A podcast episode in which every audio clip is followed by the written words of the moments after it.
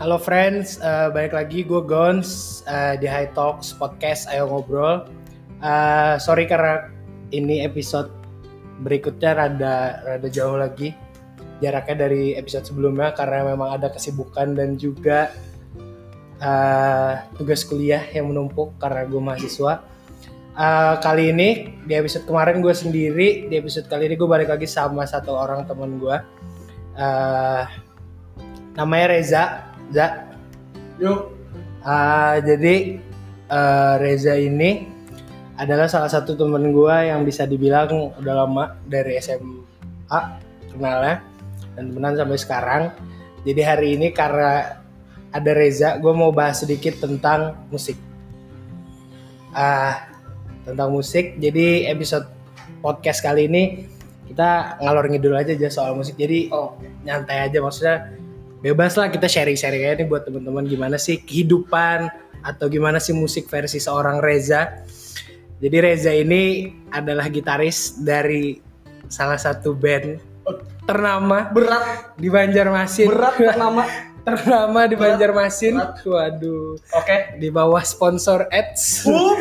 Ini ma- boleh masuk gak? Sponsor, sponsor masih jangan lah, Oh, jangan jangan, jangan. jangan. Ya, gitaris dari Madava. Sok, Za. Oke, perkenalan nama aku Reza, Anjas. Eh, gitaris dari Madava. Udah lama juga sebenarnya dulu seband sama si Gons, aka Nova Anjing. di em, karena Nova harus ke Bandung. Jadi ya tidak bisa dipaksakan lah. Berarti Kuliah kepentingan. Dipisahkan jarak, jarak, Jangan. jarak, berak. Ah, ah, karena udah lama gak ngobrol, jadi sorry kalau podcast yang ini rada lama karena sekalian ngobrol kita bikinnya. Yuk. berkarir di musik dari SMP. SMP itu eh, ngeband ngeband ala kadarnya lah. Ala kadarnya yang mempunyai fans. Aduh, Aduh, dengan salah satu band bernama aduh jangan. apa? Ah, Bernama apa aja? jangan. Oh itu nggak santai bro. Bernama Itu eh, progress. progress. Oh, progress. ya. eh, sebagai pemain musik. Oh, iya. Eh, sebenarnya berkarir atau enggaknya nggak bisa bilang sih kalau sekarang berkarir atau enggak. Semoga Oh, serius berkarir itu sebenarnya serius bermusik Bermusik. dari bikin lagu dan rekaman lain-lain sebenarnya mulai 2018 sih kalau SMP itu masih ngeband biasa lah Band biasa. cari-cari jati diri Mencari jati diri. berawal band. jadi drummer Berawal. tersesat menjadi gitaris tersesat Ah, Oke, jadi ini sedikit cerita tipis sih Fred soal gue sama Reza. Jadi eh gue tuh awal ketemunya gara-gara salah satu project band. Nama bandnya dulu Blacklist. Aduh, kacau bro Blacklist. Jadi langsung di blacklist oleh juri Nah, jadi itu awalnya kayak gara-gara ada eh ajang aja, ada lomba, ada festivalan, terus iseng kayak ayo lah bikin band yuk, ngeband yuk, kita main musik gini-gini seru-seru.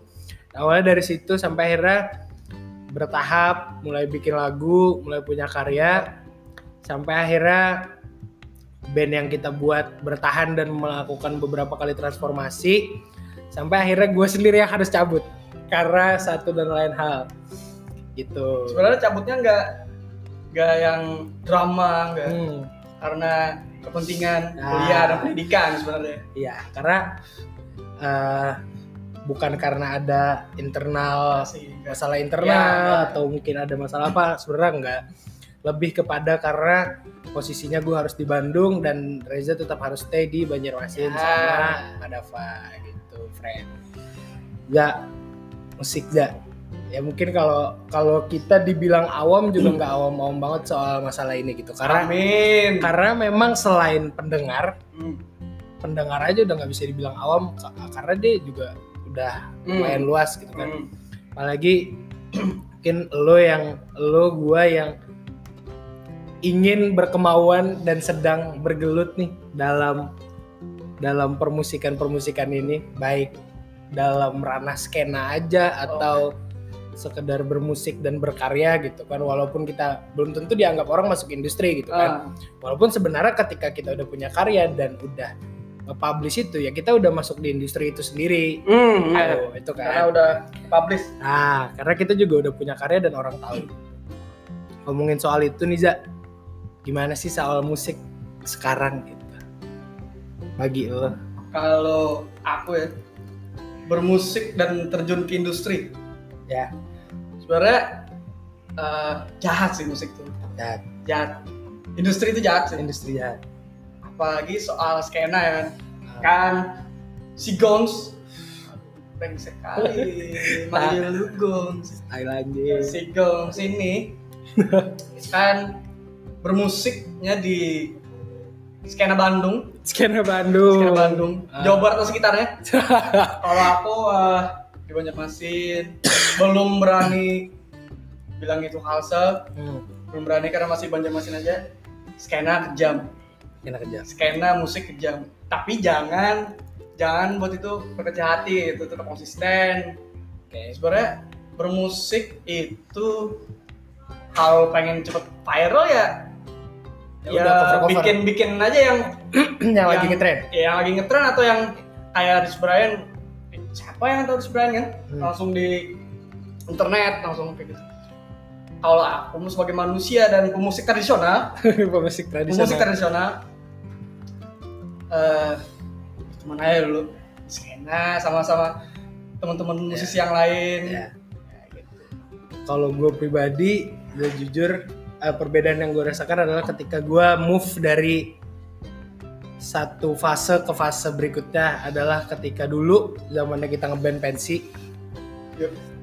sampai akhirnya gue sama Reza mutusin untuk kayak "Ja, kayaknya ini serius nih Ya. kayaknya ini harus dijalanin dengan yang udah nggak bisa lagi kayak dibilang nomor satu juga enggak sebenarnya Hmm. karena masih ada pendidikan bagi gue pribadi tapi dibilang di nomor dua kan juga jadi prioritas gitu. Jadi ibaratnya Ya, kayak ya ya ya udah dalam satu tahap aja gitu antara musik dan pendidikan menurut gue akhirnya kita mutusin bareng untuk terjun nih masuk ke dalam yang lebih serius. Nggak lagi sebagai musisi yang sekedar cuman ngisi pensi tapi lebih dari itu kita udah mulai berkarya udah mulai paham gimana gimana sih bikin karya? Gimana sih menuangkan apa yang ada di dalam pikiran anak-anak pikiran kita sendiri untuk jadi sebuah karya dan disampaikan ke masyarakat yang lebih luas. Hmm.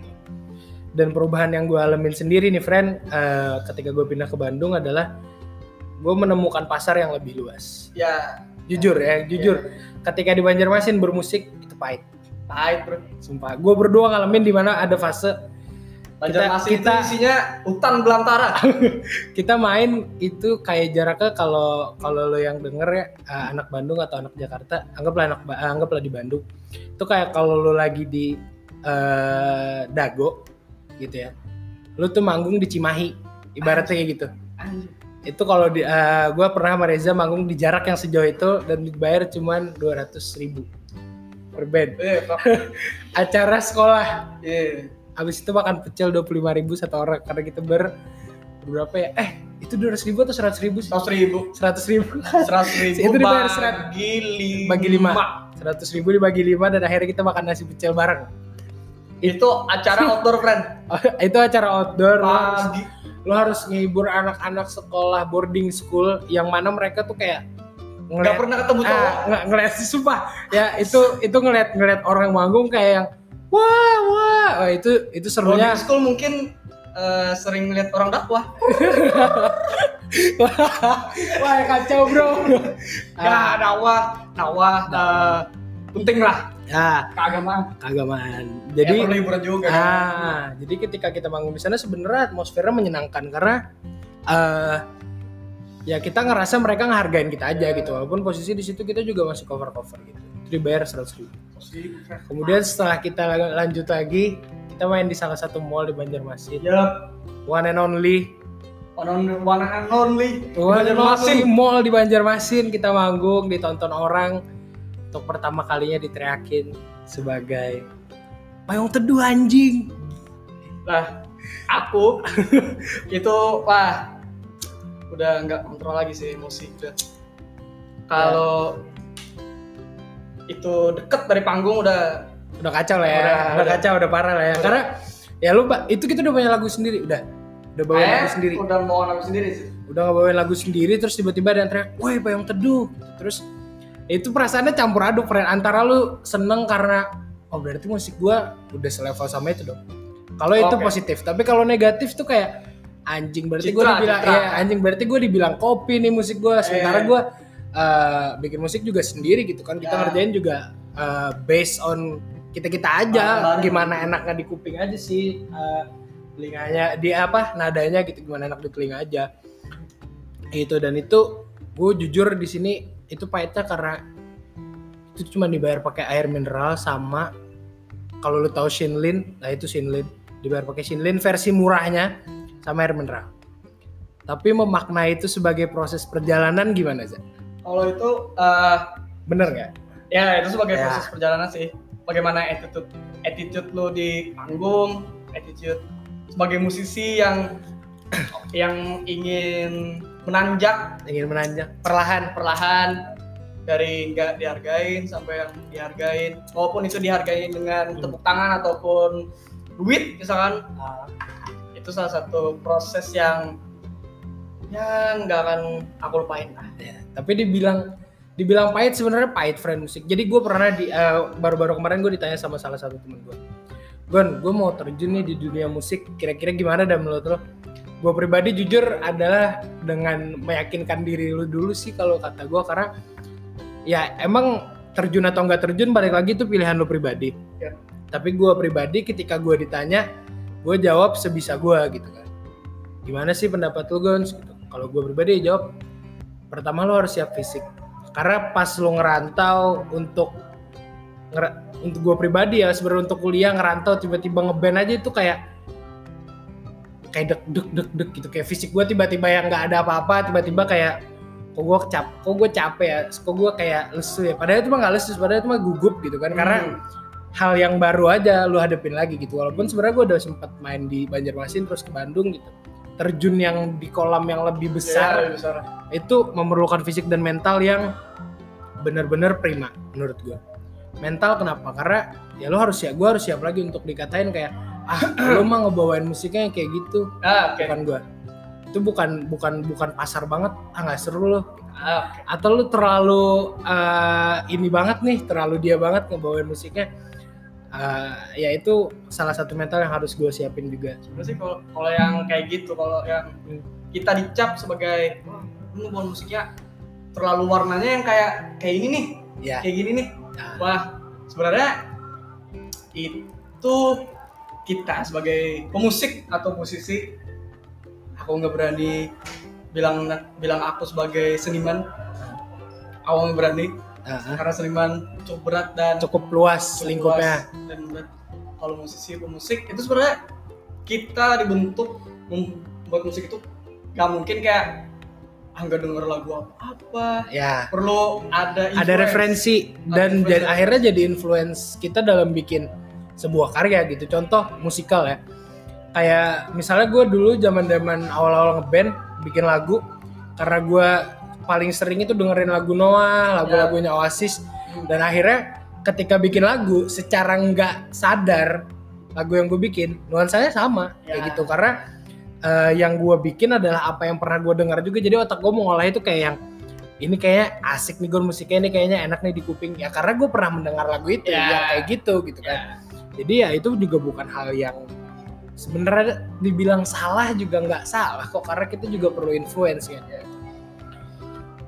itu soal musik nih terus balik lagi soal skena mungkin Reza lebih mengalami eh, berada di skena yang lebih lama daripada gue karena di Bandung gue pribadi belum masuk ke ranah skena Hmm. tapi gue lebih memilih Wah, untuk Bandung keras bro. untuk jalan sendiri aja ya udah kayak gue Eh, gue mencoba untuk bikin karya ya di tengah teman-teman gue yang tahu gue adalah novel yang bisa main musik Yep. dan seorang musisi menggeluti musik. Dan akhirnya gue memilih untuk ya udah gue jalan aja lah. Jadi gue mau tahu nih gimana sih sebenarnya? Maksud gue mungkin teman-teman ada yang belum tahu skena itu apa sih? Skena musik gitu. Aduh kalau pengertian skena sih. Secara simpel aja. Oh simple ya komunitas.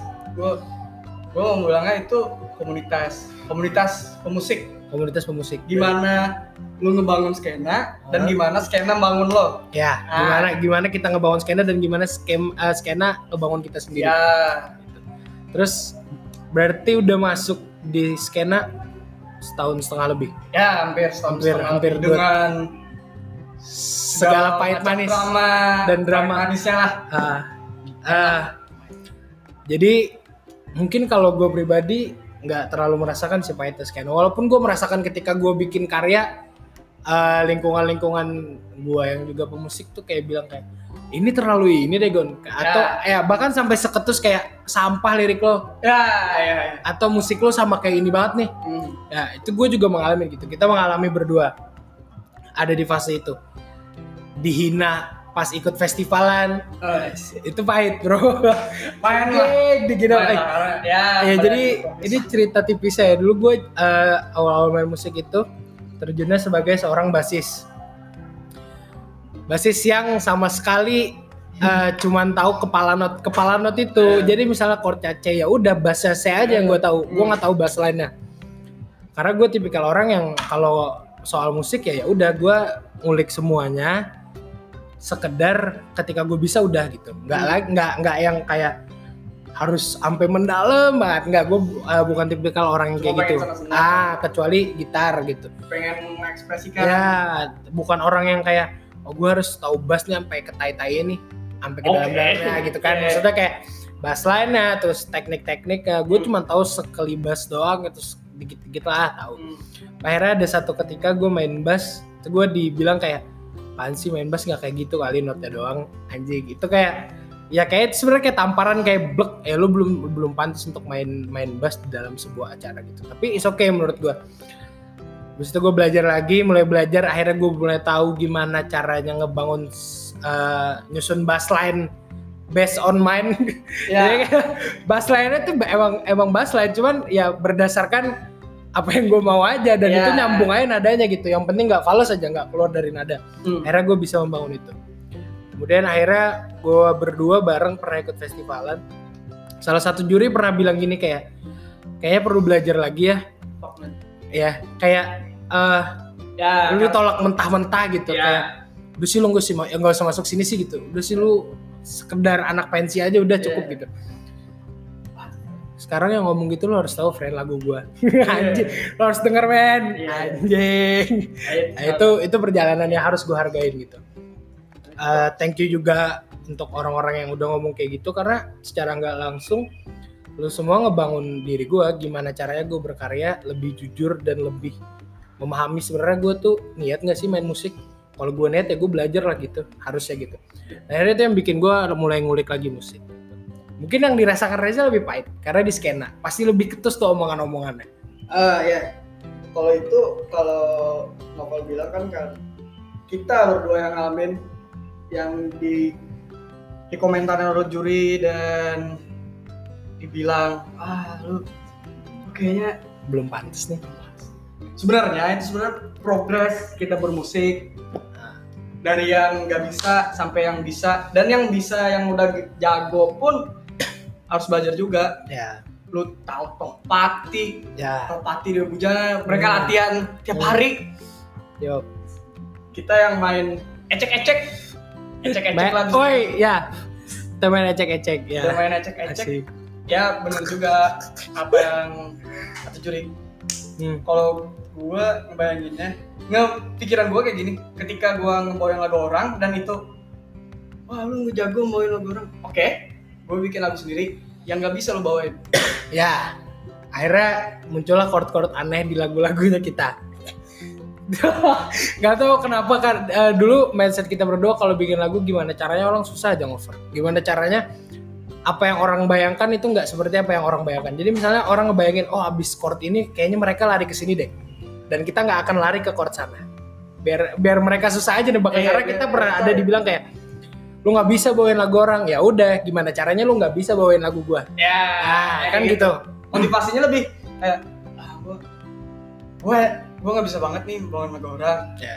Eh gue bikin lagu ya lah. at least mereka nggak bisa bawain lagu gue Ya, juga gitu kan. mudah-mudah nah gitu. Mudah-mudahan gitu.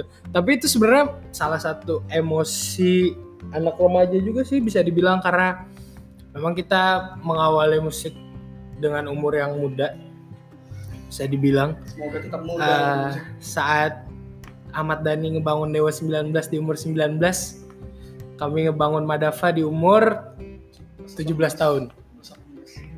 Tapi bedanya Ahmad Dhani sudah sukses aja Iya. kita belum. Santai Ahmad santai bro. Dhani masuk santai. sana dong. santai bro. Eh kita progres. Wey, kita kita akan menjadi master pada pada masanya. Walaupun nggak tahu sebenarnya tapi ngomong aja dulu.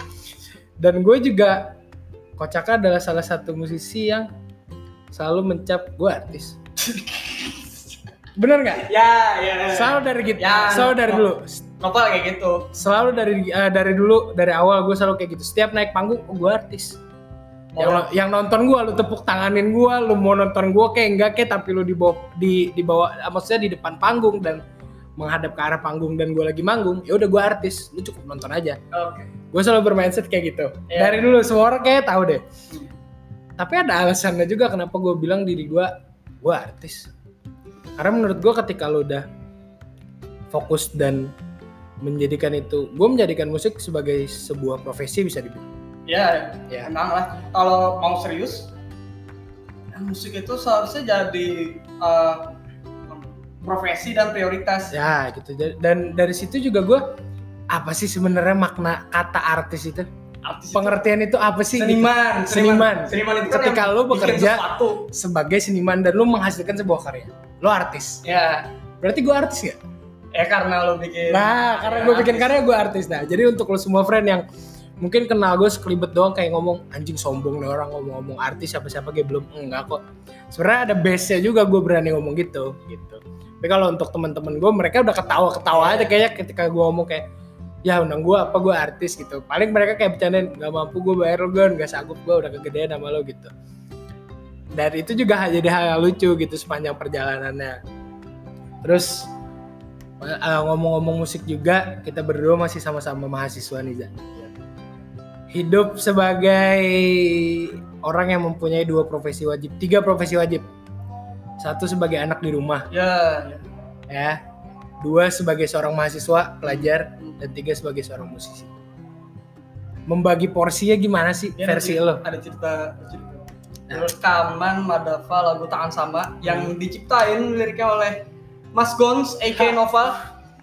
Itu rekaman bulan puasa tahun 2019 ya tahun lalu. Rekaman dari jam 7 jam 7 malam habis buka puasa Ah, sampai sahur.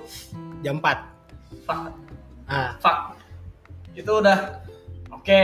Saya musisi. Ya. Yang ya part time bisa dibilang rekaman full. Kembali sahur lagi dan tidur. Tidur. Habis itu terus balik kuliah bro. Lagi oh kuliah. Kuliah bro. Siang bro. Ya itu dengan bunyi metronom di masih telinga.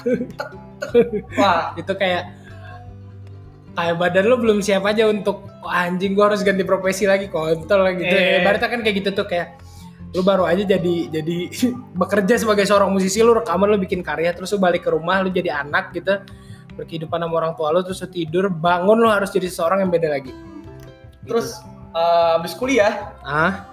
gue udah telepon lagi nih. Ah. Sama studio. produser nih. Oh ya, balik studio dong. Balik studio Biasanya nih kita take ya. lagi nih. Hmm, wah anjing gitu udah jam 5 atau jam 4 kayak mepet, gitu. mepet buka. Iya gue tag tag lagu kedua tuh. Ah tag aku. Tag aku lagu aku wah tuh anjing sih. Ah, ya. balik ke rumah buka puasa.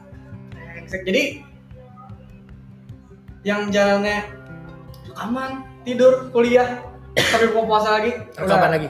Rekaman lagi. Waduh. Jadi ya itu sih sebenarnya tapi gue pribadi juga orang yang ketika gue di studio gue merasa ketika seorang novel berada di studio dan berada di panggung ya itu lu baru ngelihat novel yang sebenarnya. Di luar itu udah, di luar itu gue memang iya memang eh, tetap membawa diri gue tapi bukan yang sebenar-benar diri gue. gak kayak gue artis nih.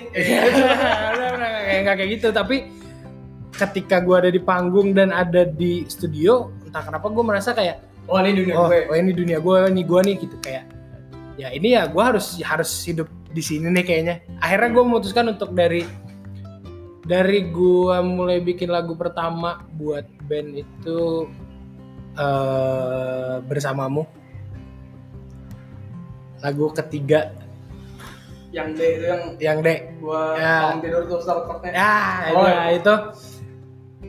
Gue itu eh, posisinya malam. Kita lagi nggak tahu lagi hektik karena ada satu problem kalau gua nggak salah ya. Nongkrong. Habis itu, Eh. habis itu balik ke rumah gua. Terus kita eh, ngejam nyantai mainin lagu nyari chord sampai akhirnya pagi bangun tiba-tiba Reza langsung megang gitar dan dapat note dan gue udah dapat lirik. Dan itu uniknya di situ sih sebenarnya. Dan dari situ gua kayak apa ya ya kayaknya gue hidup di jalur ini udah pas gitu. Orang gue bangun tidur gue langsung mikirin ini kok bisa gitu. Nah. sementara untuk hal yang lain kayaknya nggak dapet sih gitu. Jadi akhirnya dari situ gue memutuskan untuk kayaknya oke gue hidup di musik tapi tanpa meninggalkan apa kewajiban gue karena gue masih berkewajiban untuk satu membahagiakan orang tua gue juga dengan gue punya pendidikan. Dan Ya. itu juga bekal buat buat gue pribadi Iya. gue uh, jadi mahasiswa dan kuliah gue nggak membebani diri gue kayak tiba-tiba kayak gak cocok nih gue sama dunia kuliah. Sebenarnya enggak dan sama sekali enggak karena menurut gue di kemudian hari itu semua bisa kepake. Hmm. gitu. Entah apa ilmu di Ya, kuliah itu yang kayak- bisa diterapkan. Contoh gue mahasiswa ilmu komunikasi. Itu membantu untuk penulisan lirik Hmm. sangat amat karena gue belajar gimana cara menyampaikan pesan kepada orang agar itu tersampaikan dengan baik terus bisa kepake juga di video klip karena gue belajar gimana sih cara lo berkomunikasi lewat visual Ya, ya. ke orang gitu dan lo mahasiswa manajemen Manajemen lebihnya gua uh, musik ya kan nge-manage Ya, band, karena- nge-manage promosi, Ah. karena lebih kayak gitu sih. karena bisa dibilang juga setelah semakin ke sini setelah semakin maksudnya dewasa dan bertambah ilmu kita berdua akhirnya juga mungkin sepakat kalau musik ini bisnis Hmm, musik, ya musik, musik, itu bisnis. bisnis itu kejam. Ah, musik itu bis, ah, musik itu bisnis dan musik itu kejam, bisnis sendiri itu juga kejam gitu. Dan akhirnya apa yang kita ambil sebagai ilmu aja awalnya kayak ya udah gue kuliah yang penting buat orang tua doang nih. Akhirnya juga kepake. Sebenarnya bisa dipakai. Iya nggak sih? Sebenarnya yang kita sebagai pemusik sebenarnya bisa dipakai juga di ranah musik itu sendiri sih. Nah, kenapa gue berkeputusan untuk hidup di musik dan tidak meninggalkan pendidikan salah satunya karena Holil. Oh, ya lihat Karena Holil bisa S3 Yes. di Amerika Brengsek. dan tetap jadi Oh respect musisi. respect Mas Holil gebrengsek sih respect. Mas Holil keren, respect, brengseknya respect ya mas. Karena lu bisa S3 gitu. Pendidikan lu well berarti kan. Terus lu jadi musisi, artinya lu bisa membagi kehidupan lu. Ya entah dia jadi seorang bapak di rumah, jadi seorang musisi di panggung dan di studio dan jadi seorang mahasiswa Ya. di kampus. Hmm. Nah, itu yang salah satu. Karena? Uh, orang yang menginspirasi gue juga untuk kayak ya udah gue nggak boleh ninggalin pendidikan gue dong. Tapi gue tetap hidup dari sini. Gue mau kerja sama orang bodo amat. Yang penting gue punya pendidikan gitu. Ya. kalau gue pribadi sih gitu. Sama contoh kayak kayak, kayak band Queen. Wah Ya. lu pasti tahu lah mereka berempat itu sarjana semua bro. Nah, dan sarjananya sarjana gila-gila semua. Ah ada yang sarjana teknik ini Iya. ada yang ini gitu. Kayak Brian May kan gitaris banget itu salah satu gitaris gitaris Ah. favorit gue dia bikin gitar sendiri. Ya. Ya kalau nggak salah nih Fred. Dia astronomologi kalau nggak salah. Dia kuliahnya. ah. Batu brengsek. Pokoknya kuliah yang susah aja. Iya. ya, yang mama Brengsek. eh, maksudnya kayak sebenarnya dihubung-hubungin ke musik tuh jauh banget gitu. Tapi ada aja bisa bisa ada gitu. Dan tapi gue juga nggak nggak menyalahkan lo yang memutuskan untuk oke gue hidup di musik dan gue tinggalin pendidikan gue oh nggak salah juga. Lo juga nggak salah karena ada Ahmad Dhani yang nggak pinter-pinter banget tapi segila itu gitu. Juga gue juga mau ngagumi dia. dia, dia, dia belajar sendiri sih. Ah, belajar sendiri. Karena mungkin eh, banyak yang gue tahu musisi-musisi itu pinter. Eh, sarjana paling enggak dan menurut gue kayaknya musisi di di Indonesia ini yang bego cuma tiga gitu? Gua Reza sama Ahmad Dhani gitu. Ya itu jujur. Karena kayaknya cuma kita bertiga uh, musisi yang bego gitu. Cuman kita kuliah aja gitu. Ya memang benar. Karena dari gue punya dari oh dari kan. Kunci mereka yang nggak kuliah tapi musiknya sukses Tekun. konsisten. Tekun konsisten. Nah konsisten sama musik Ya. mereka. Dan take risk kalau menurut gue ya mereka nating terus aja ya ya ya udah sih kayak ya Ahmad Dhani sekolah musik juga enggak gitu hmm. jadi ibarat kata ditolak isi pun nih sana. Ditolak isi bro. Isi. Anjing isi. Eh maaf. Gua gua Canda isi. gua, gua dulu mau daftar di isi. Hmm. mau mau daftar kan? Hmm. 2018 kan?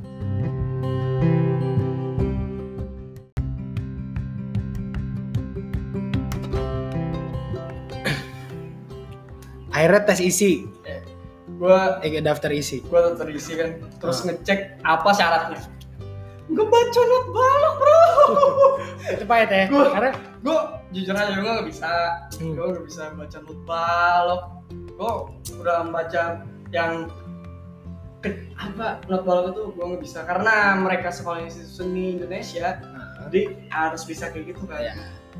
gue juga sebenarnya kayak Paul McCartney, John Lennon dari The Beatles bisa baca not balok lagi-lagi mereka ngebawain musik yang yang, Yang- bagus pada masanya yang Ya. sampai sekarang lah Hmm. kalau lu dengerin itu The Beatles sampai awal lu nge- nge- ngedengerin itu dari dari yang lahir tahun 60 yang besar di, pada era musik mereka wah nih keren banget anjing musik Ya, ini keren, keren parah, keren banget, keren Musik- kacau musik pokoknya. mereka tuh nakal Ya sa- sampai akhirnya ada satu statement yang yang bilang kalau eh, John Lennon pernah bilang Ya, dan akhirnya itu mereka mencelakakan dirinya sendiri gitu Eh, bahwa mereka lebih populer daripada Tuhan. ya itu gitu sih kan. Tapi memang gue akui mungkin ya pada zaman mereka orang lebih banyak dengerin musik mereka daripada menyembah Tuhan.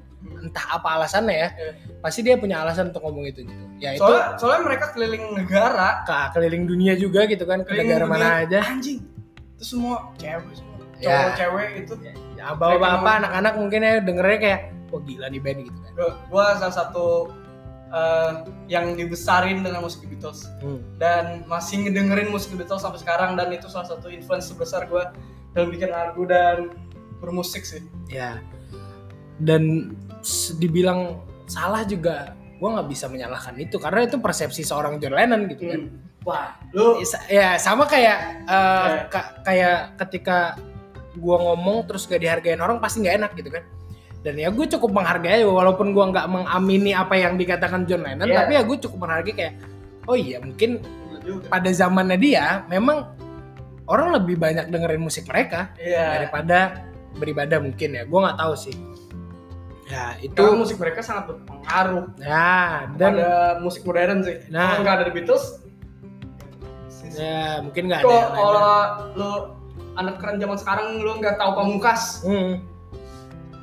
Ah itu fuck lah kalau The Beatles kita ngomongin Beatles wah udah musiknya udah luas Nah. sekali dia mereka udah Ya ibaratnya punya semuanya lah Nah, kalau dulu-dulu orang kayak kalau lu nggak lu nggak keren kalau lu nggak tahu The Beatles gitu. wah Nah, mungkin ya zaman sekarang juga kejadian Iya. sama beberapa orang kayak yang ngejudge lu nggak keren kalau nggak tahu Hindia. wah Lu nggak keren kalau nggak tahu Pamungkas. eh Nah, itu juga terjadi Iya, dan betul. itu juga nggak salah ketika Hindia seorang seorang Baskara, seorang Pamungkas bilang kayak gua populer. Ya itu populer lah karena karena juga uh, kita mendengarkan musik mereka dan mereka juga mempunyai penikmatnya gitu. gue ngeliat Baskara sekarang Hmm. gue kayak ngeliat Nirvana pada zamannya bro Ya. Karena mereka mereka Nirvana pada menghadirkan- zamannya menyuarakan remaja-remaja yang, yang wah anjing hidup gue lusu banget hidup gue kayak sakit fakta ya Ya, kayak gitu. kayak ya gue gue punya masalah gitu tapi gue masih bisa struggle dengan musik gitu mungkin Nirvana menyuarakan seperti Nirvana itu menyuarakan itu dan Nirvana menyuara- menyuarakan remaja-remaja yang sekolah yang yang terpukul realita Ya. keluarganya gitu. Ya, gitu. Baskara menyuarakan itu. Sama hal-halnya orang yang nggak suka Baskara. Hmm. Sama juga pada zaman Nirvana orang-orang nggak suka Nirvana. Jadi apa karena Nirvana karena ketika Nirvana muncul yang lagi hype adalah musik-musik kayak musik, musik lu glam rock, ah, glam rock, terus rock, rock, rock yang yang eh, memerlukan skill ya, hebat, skill yang hebat, kata terus- juri.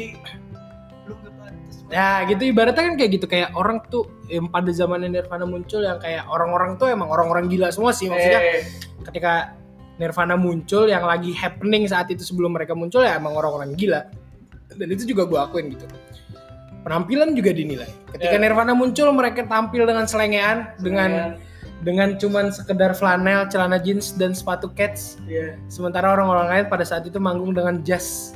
Nggak nggak pakai jas ya? Enggak konsep pakai forma ada yang pakai jas. nah, mereka tuh pakai custom kayak pakai wig nah gitu. kayak, kayak pakai heboh lah. Eh, heboh. Lah ada sepanggung gitu. ber ber fashion banget. Hmm. dan ketika itu seorang Kurt Cobain dan Nirvana muncul dengan tainya. Ya udah sih gue kayak gini bodo amat. Manggung pakai flanel Iya. pakai kaosan sampai manggung pakai baju psikopat Wah, itu ya. ya mungkin itu cara mereka mengekspresikan diri gitu kan dan menurut gue itu juga nggak salah sama halnya kayak sekarang eh lu lu setuju nggak kalau Kurt Cobain itu membentuk kita sebagai remaja untuk bermusik secara serius? Ya secara jujur untuk membentuk ya musik. karena eh, yang mempengaruhi gue eh, perkara Nirvana adalah Reza. Kebetulan. Karena beliau bertangan kiri berkidal memainkan gitar dengan kidal anjing. Berpa- beracuan hidup Kurt Cobain. Kurt Cobain Paul McCartney sebenarnya. Ingin mati di umur 77 nah ujubillah 77 27 bro. Ih jangan 27 dong. Eh itu kalau Kurt Cobain. Kalau Kurt Cobain kan 27 ini 77 oh aja. bisa lebih lah bro. Oh, lebih dari 77 77 bro. jadi musiknya wah, semakin Oh jadi tua, permusiknya semakin tua ya. Paul McCartney gua gua tahu sih dia umur berapa. Kayaknya udah 80 70-an bikin album bro 2018 2017 bikin album. Di Indonesia ada wah fuck sih. Umur 50 60 lah. 6- 62 tahun kalau gua nggak salah Bim Bim. Masih se- segila itu dan sekeren itu. Hmm. Untuk nggak menghilangkan esensi siapa Slang. Hmm. Ya emang itu Eh, kalau kalau kalau orang dengerin slang dari dulu mungkin ah slang nggak kaya dulu lagi ya. ya itu Tapi sebuah semangat mereka ya yang tapi perlu ya memang iya ada ada kayak opini kayak ah Slang udah nggak nggak ini dulu nggak nggak sefrontal dulu nih menulis Nggak- liriknya nggak semelankolis terbunuh sepi Iya, Ah. nggak nggak sembilan kolis terbunuh sepi, nggak sembilan kolis uh, popis lain memori. oh, oke Nggak, masa uh, menyuarakan liriknya juga nggak sefrontal birokrasi kompleks, Oh, oke. di mana mereka ngata-ngatain abis-abisan bahwa emang birokrasi itu kompleks. Kalau lu mau jabatan lu harus bohong sini, bohong sana gitu. Tapi menurut gue itu adalah proses pendewasaan mereka juga dalam bermusik. sama lah ya, kayak Madava juga Iya. pendewasaan bermusik pendewasaan personil juga Madava udah berapa ganti personil dan sebenarnya kita berdua sih kita berdua sebagai personil yang paling lama lu, lu sebenarnya personil sih personil, personil Tol yang libur, Iya. oh, udah di Banjar. gue personil yang nggak diajak manggung, anjing. Padahal masih belum punya uang bro. Oh iya. Ya Masih dengan belum. alasan ya memang itu sebuah alasan kenapa gue juga nggak bisa diajak manggung adalah kalau pengen gue manggung ya Eh kembali lagi kayak lo bilang ya sebagai mahasiswa juga ya kan. itu. Sebenarnya bisa jadi tolong ya buat sponsor-sponsor yang mau ngambil Madava diperhitungkan dulu nanti di proposal kalian gitu. Biar ada satu tiket dua tiket PP Bandung Banjarmasin gitu. Untuk mendapatkan Madava dengan formasi lengkap. Karena sejauh ini belum ada gigs di Banjarmasin yang mendapatkan berhasil mengundang Madava dengan formasi lengkap. Kayaknya sih. sejauh ini. Madava kan, kan mau progress album. ya. Terus gua rencana mau Hmm. bikin gua sama anak-anak mau rencana bikin konser tunggal. Gua mau undangin semua orang yang pernah berkontribusi ah di Madava maupun Madava atau nama-nama sebelumnya lah. ya Gua mau ngebawa mereka dan bikin mereka manggung lagi dalam satu panggung. ya, ya ibaratnya Madava reunion Ya, gak reunion sih, tetap Madava, tapi gua mau kenalin nih kolaps kolaps saja ini loh orang-orang yang Orang-orang pernah ada yang- di balik sini gitu Iya. Di Termasuknya lo. ya cerita cerita sedikit ya perjalanannya karir sebuah band bernama Madava Eh ini kita kita ngobrolnya nggak nggak terarah ke satu fokus ya. ya karena kita ngomongin musik aja udah kita cerita dan kita bro. ngobrol-ngobrol aja Gua gua udah nggak ketemu Nopo udah satu tahun setengah ya. ya setahun setengah setahun setahun. dan jadi wajar kalau kita ngomong Kalau telepon sering kalau chat ya pernah telepon chat sering Maksudnya ngobrolnya nggak ini kayak kayak ngobrol ya udah temen kayak, nggak ya, ketemu. kayak, kayak ngobrol temen gak ketemu setahun satu band padahal gitu terus sambil di record aja udah itu Iya. doang gitu.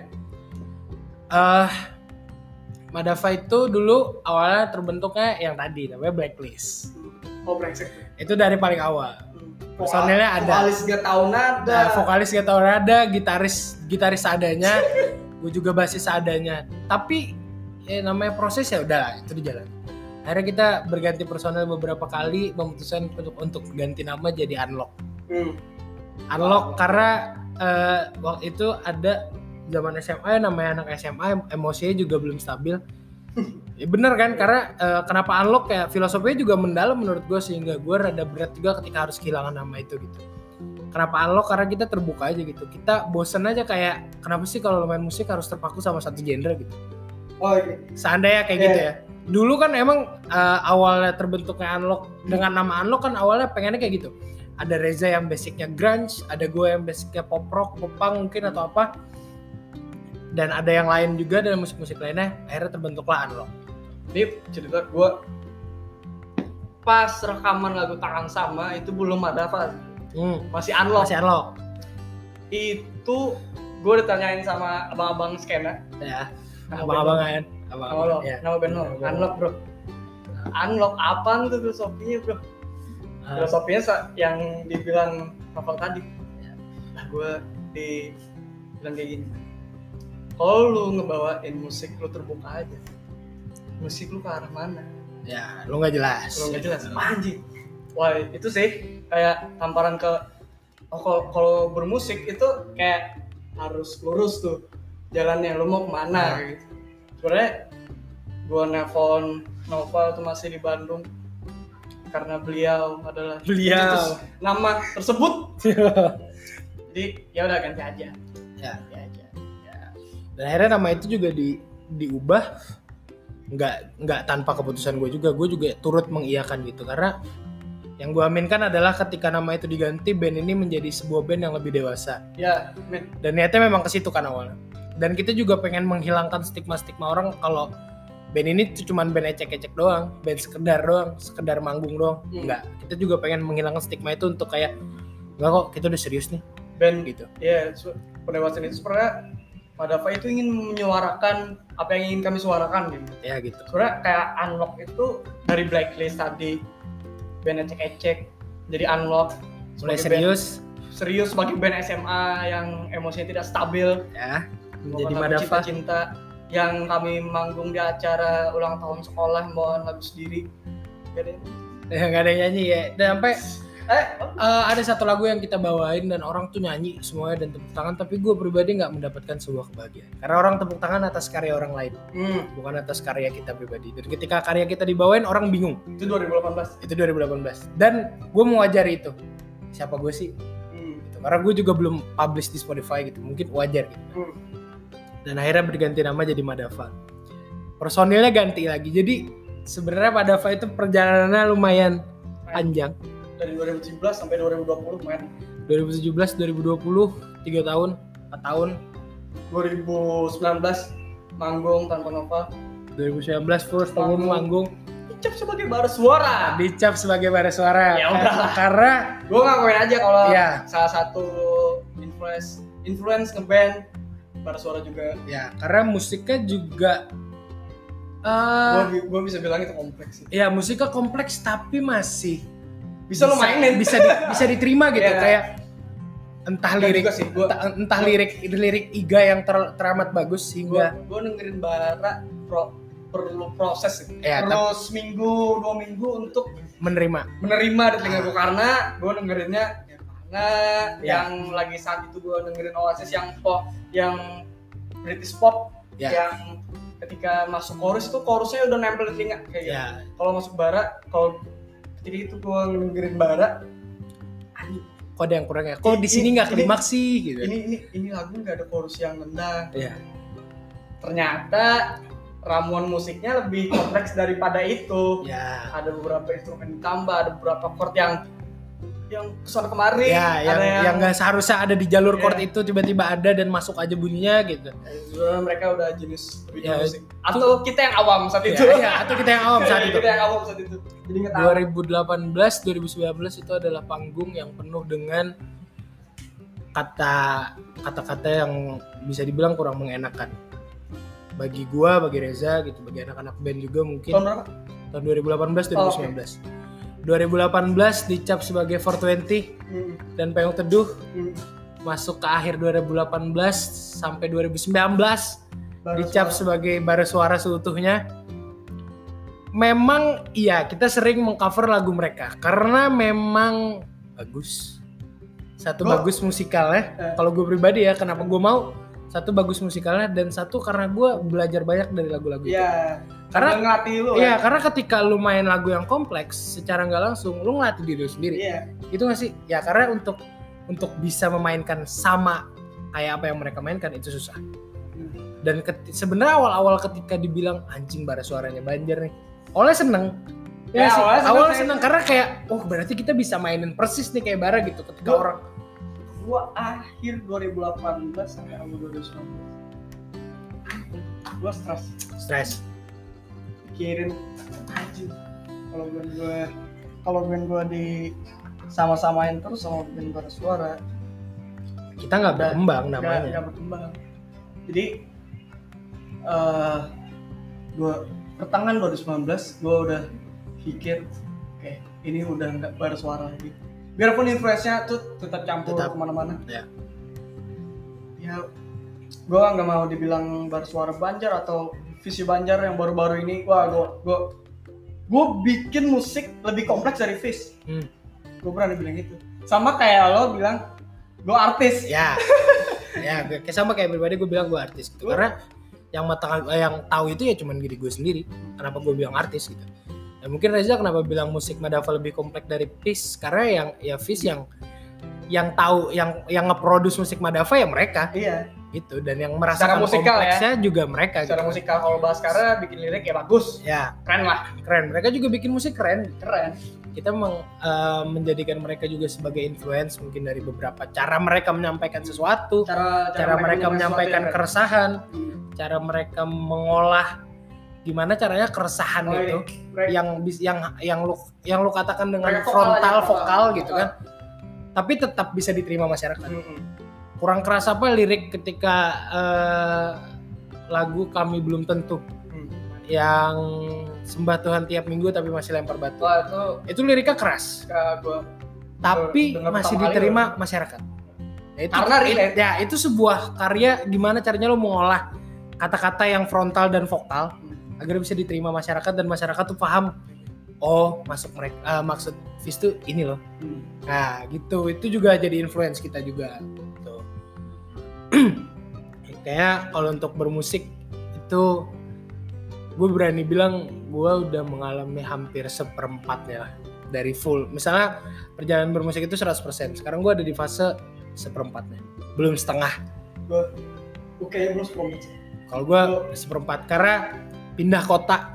Oh iya lo itu kayak gue dihadapkan dengan realita yang baru. Ini musik yang lebih besar gue yang lu Industri, sebelumnya belum industri. tahu ya ini dunia musik yang lebih besar. Di mana gue eh pertama flight pertama gue sebagai musisi solo memutuskan untuk kayaknya gue harus tetap bikin karya walaupun gak bareng Madava gitu di Bandung. Akhirnya gue bikin Gons itu solo project gue itu 2019 pertengahan menuju akhir.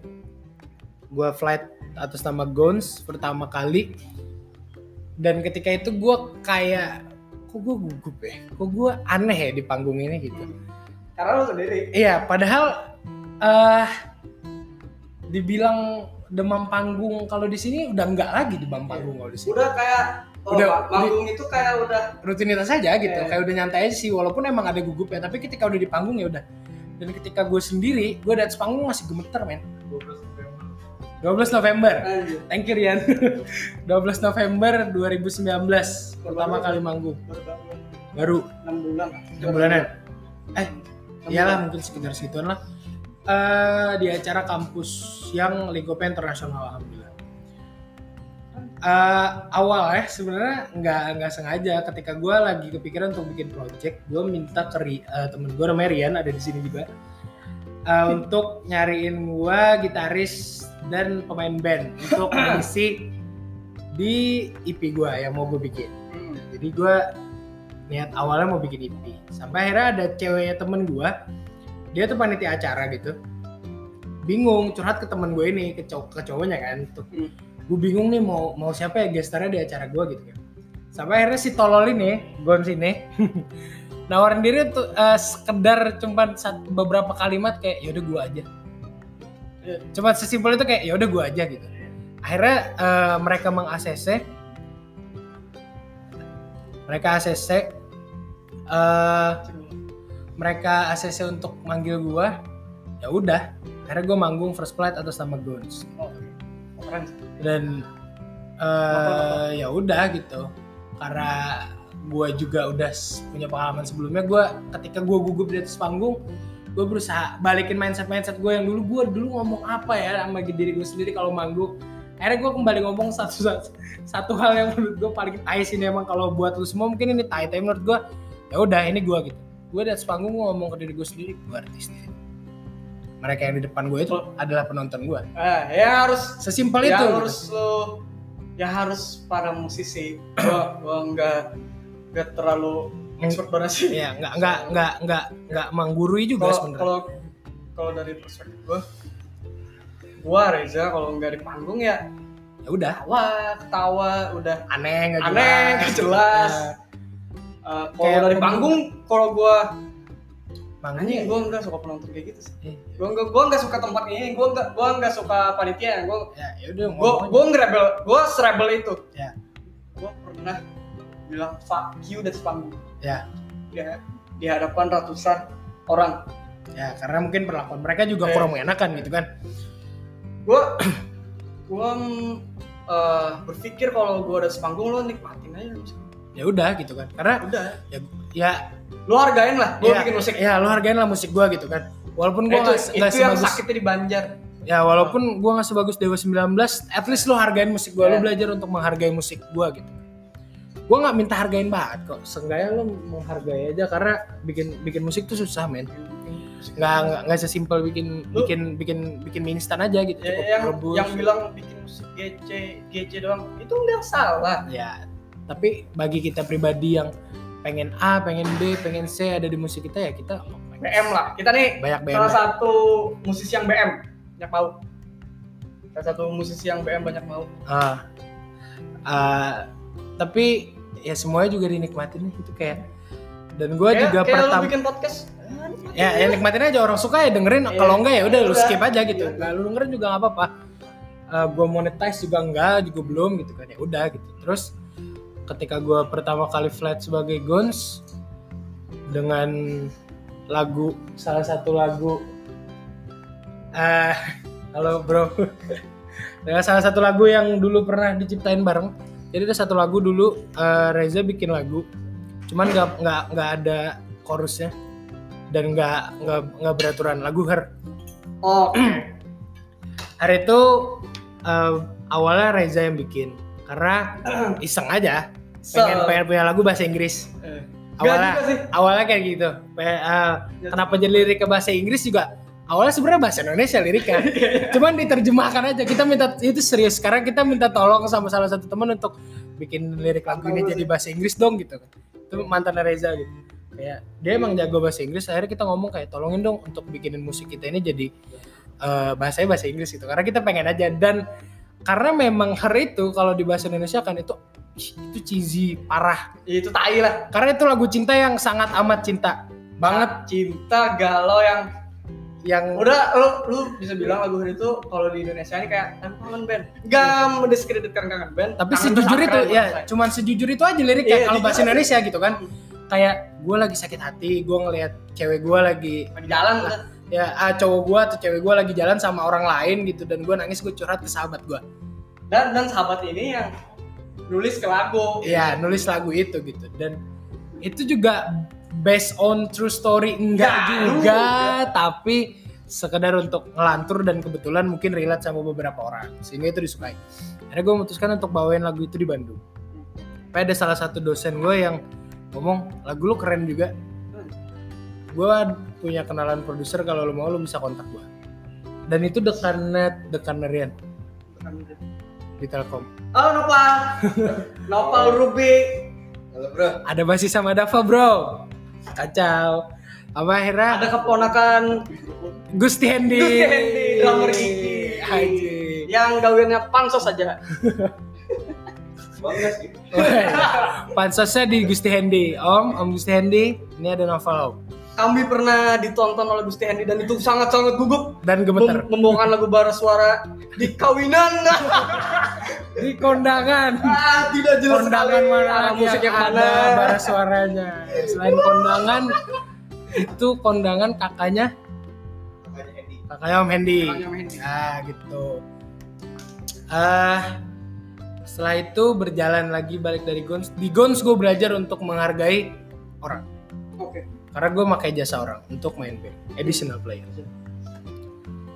dan jujur ketika panggung Season player. ya season player dan panggung pertama panggung kedua gue nggak ngerasain duit gue sendiri gue dibayar Hmm. itu lumayan duit duit yang yang dikasih ke gue tuh lumayan dan memang nggak terbesar iya terbesar Hmm. bisa dibilang mungkin di Madava kita dapat angka sekian J dengan bagi Hmm. gue dapat angka segitu untuk sendiri sebenarnya itu lumayan besar tapi gue pribadi belum ngerasain duit itu karena gue harus bayar session player Hmm. gue harus bayar fotografer Ya itu perlu juga sih karena Ya. solo. dan dari situ akhirnya gue kembali lagi pendewasaan untuk oh ternyata gini ya industri gitu Ya. kalau gue pakai jasa orang ya gue harus bayar gitu kan karena ya udah akhirnya gue mutusin untuk kayak semua penghasilan gue waktu itu ya udah cukup gue untuk bayar session player aja gitu dan dari situ juga gue merasakan akhirnya gue bisa bilang kayak kayak gue udah di titik seperempat nih gitu Hmm, Oke. seperempat jalan untuk jadi seorang musisi yang 100% 100% terjun ya Hmm. bukan 100% suksesnya tapi 100% udah terjun pure ke musik gitu. Gue sama teman-teman Madapa mau ke Bandung. Oh, iya. Karena pandemi corona brengsek ini. Iya. kita Jadi seharusnya. Eh, Reza ini ada di Bandung untuk membantu ada di Jakarta sebenarnya untuk membantu rekaman EP-nya Gons di bulan Februari dan juga seharusnya Madapa udah seharusnya dong si Noval seharusnya nggak di Banjar sekarang seharusnya mereka lagi kuliah dan produksi macam-macam Ya. dan Madapa di Banjar seharusnya sudah di studio dan mengerjakan take- album pertamanya. take Ya. gitar karena pandemi corona Ah. kami nggak bisa work from home karena Karena rekaman from home itu sucks. oh, anda mau anda mau hasilnya kayak rekaman tahun 2000 yang kacau. yang rekaman untuk PHP Iya, rekaman demo, demo-demo kacau pokoknya. Dan itu ya memang corona sedikit banyak kayak bikin gua fuck lah. Harusnya gua punya EP nih tahun ini gitu. harusnya gue punya EP tahun ini harusnya uh, Madava juga ngerilis album gitu dan memang ya cerita sebenarnya adalah gue udah prepare budget untuk nyiapin tiket dari Banjarmasin ke Bandung untuk Reza. Karena gue Iya. perlu ini ini tai sih sebenarnya ya. Jadi sejauh ini gue bermusik itu nggak lepas dari Reza. Dari unlock.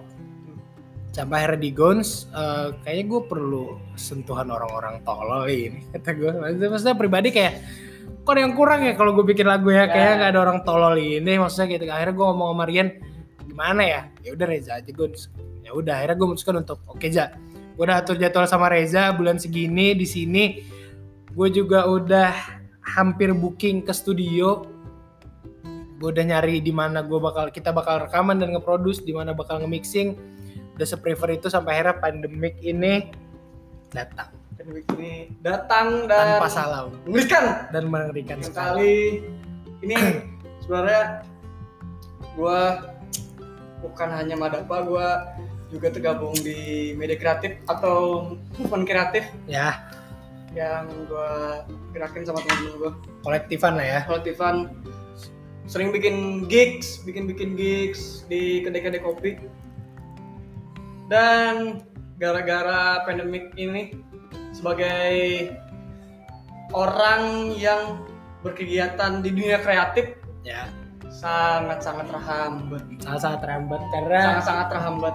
Dan juga se- sebagai Madava sebagai personil band ada satu gigs yang kayaknya itu seba- kayaknya tiket golden tiket banget golden lah. ticket dan jadi milestone gitu. Ya. Jadi milestone di karir yang ke depannya Ya.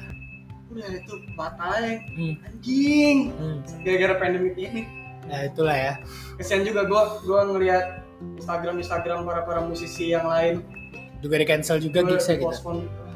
ya ya itu fuck lah gitu kan dan bener-bener ngehambat eh, industri kreatif sih ya sangat bisa Sangat. dibilang karena kita bergantung dan jadi Madava juga punya tim produksi Hmm.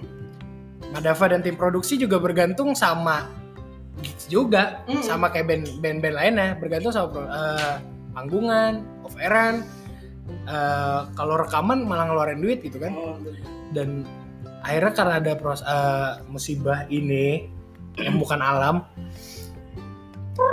akhirnya Iya, harus orang. tertahan semuanya ada apa ada bikin lagu soal pandemik ini. tuh Udah. friend dengerin ya bro lanjut saja dan Nanti nanti direkod lah. Lagi oke ja Hmm. ah pandemic nanti Madava ngeluarin single tentang pandemic eh, akan Berhubungan masuk lah. di album nanti.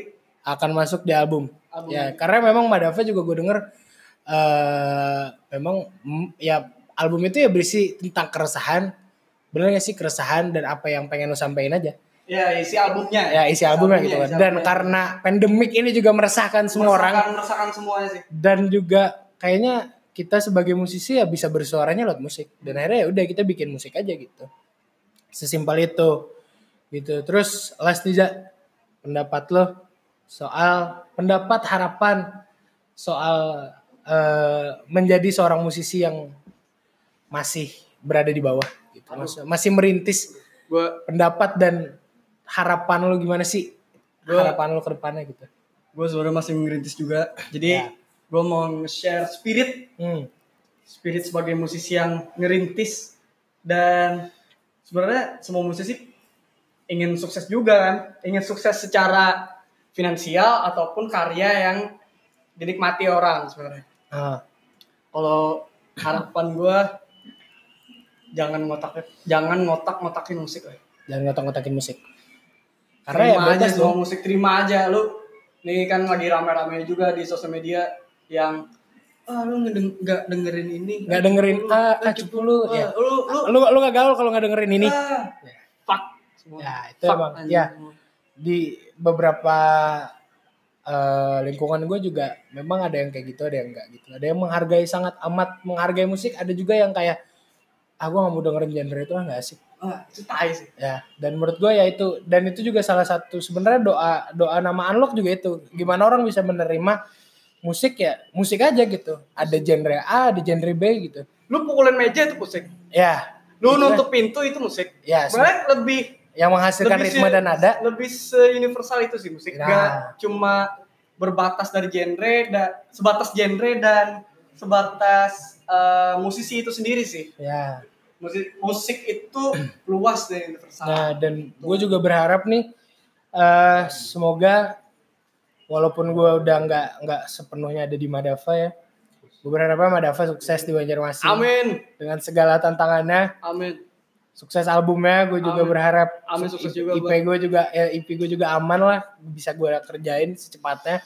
Kita bisa ketemu di Bandung. Band pembuka lah pembuka. di di Bandung lah. showcase Intimate Showcase Yo, ya oke, guys oke. Lu kan banjir juga nanti. Oke siap bro. Tiket aja buat 10 orang.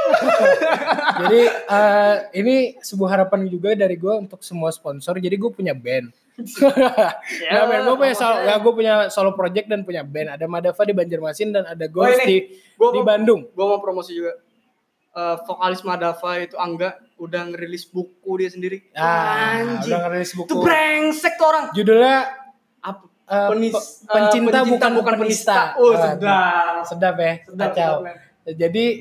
Jadi gue berharapnya ke depan orang bisa lebih menghargai bahwa musik itu nggak ada senior nggak ada junior kok. Hmm. Cuman ada yang duluan sama yang baru aja. Yang baru masuk, yang tua juga ngehargain yang baru masuk ke industri Iya untuk sih. mengajari gimana Lebih- sih industri gitu. lebih menghargai itu aja Nah, lebih gitu menghargai lebih respect Nah, sesama musisi kalau sesama musisi nggak respect lagi-lagi skena kan ya. komunitas kalau satu komunitasnya murado kacau dan lain-lain Ah. gimana skena itu membangun si musisinya Ya. yang musisinya aja nggak membangun skenanya kan Ya, kayak gitu Bim Bim juga gue kalau nggak salah denger pernah bilang kalau musisi yang selegend dia masih belajar kok sama musisi-musisi muda. Ya memang karena seharusnya kayak gitu. Nggak eh, nggak nggak seharusnya saling tolak menolak yang muda ngebully yang eh, ngata-ngatain yang tua sosokan, yang tua ngata-ngatain yang muda nggak Ya. pantas. Itu nggak pantas sebenarnya seharusnya. Dua-duanya malah nggak pantas. Jadi kalau lu dibilang kayak gitu ya pembuktian aja sih ya gitu sama yang Madava lakukan sih. Oke. Iya. pembuktian Pembuktian sama yang eh, beberapa musisi juga lakukan ya adalah ya itu membuktikan dengan karya aja. Gue bisa kok bikin album gitu. Udah. kayak segitu dulu nih podcast kita. Oke. Sebenarnya kalau kalau ini nggak ditahan-tahan ya, dua jam kayak gas gitu kan. Kayaknya sampai esok ya. Nah, karena sampai besok gitu kan. Jadi eh, buat penutup juga, karena gue juga kangen ngeband sama Reza, gue bakal nutup podcast kali ini dengan salah satu lagu gue berdua. Asik. Sekarang ngomong gue berdua. Kalau gue di Bandung gue ngomongnya lagu gue. Kalau Reza yang gue di Bandung ngomongnya lagu Reza. Enggak lah. Tapi Udah sekarang direstuin lagunya jadi lagunya Mas Gon. Oh ya berarti Her eh, ya Her memang masuk di salah satu lagu yang ada di EP walaupun nanti akan ganti judul. Oh, Karena judulnya di EP gue adalah angka, pakai angka. Oh, oke. Oh, Angka-angka spesial di hidup gue lah. Ya, ya. Gak apa-apa lah gue. Jadi Gua lu, mark- lu, lu, lu udah dengerin lagu Guns yang mana? Yang, Yang- 16. yang 16 yang yang mana? Anjing. Yang yang 10 ya anjing. Jadi ya emang nggak apa-apa bodo amat. Gue pengen mark 20 tahun hidup gue aja dengan oh gue 20 tahun gue udah punya karya. Oke. Ya walaupun dengan pahit manisnya ya udah gue 20 tahun udah punya karya gitu kan. Gue artis gitu. Oh apa? Udah amat nggak suka lo. Eh ya. Gak suka ngomongnya bos anjing. Oke, eh, lagu terakhir Za. Lagu bro, Her. Anjing. Udah lama nih bro, kita nggak dengerin Her. Nggak dengerin nggak mainin.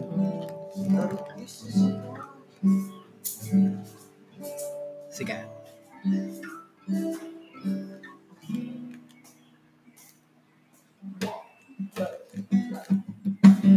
Last night I saw her cry, thinking about you.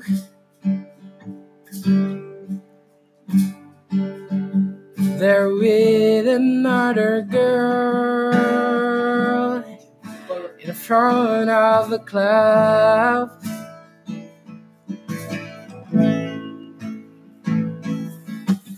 She said, she said, and she said she disappointed.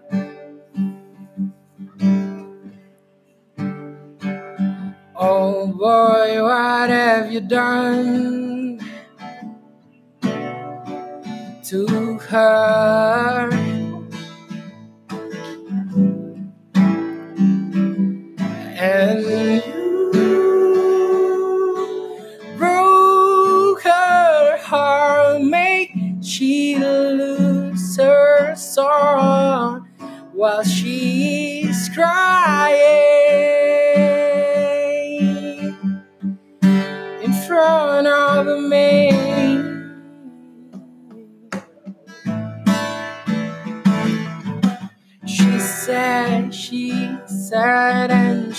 Said she disappointed. Oh boy, what have you done to her?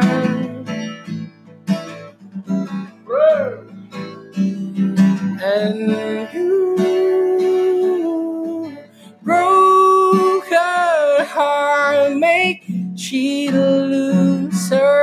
while she's crying in front of me.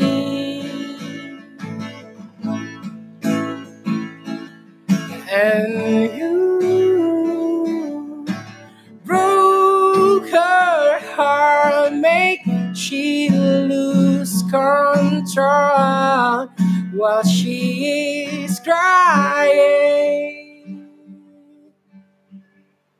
While she is crying in front of me. Thank you, Zach. Uh, thank, you, Mas friend.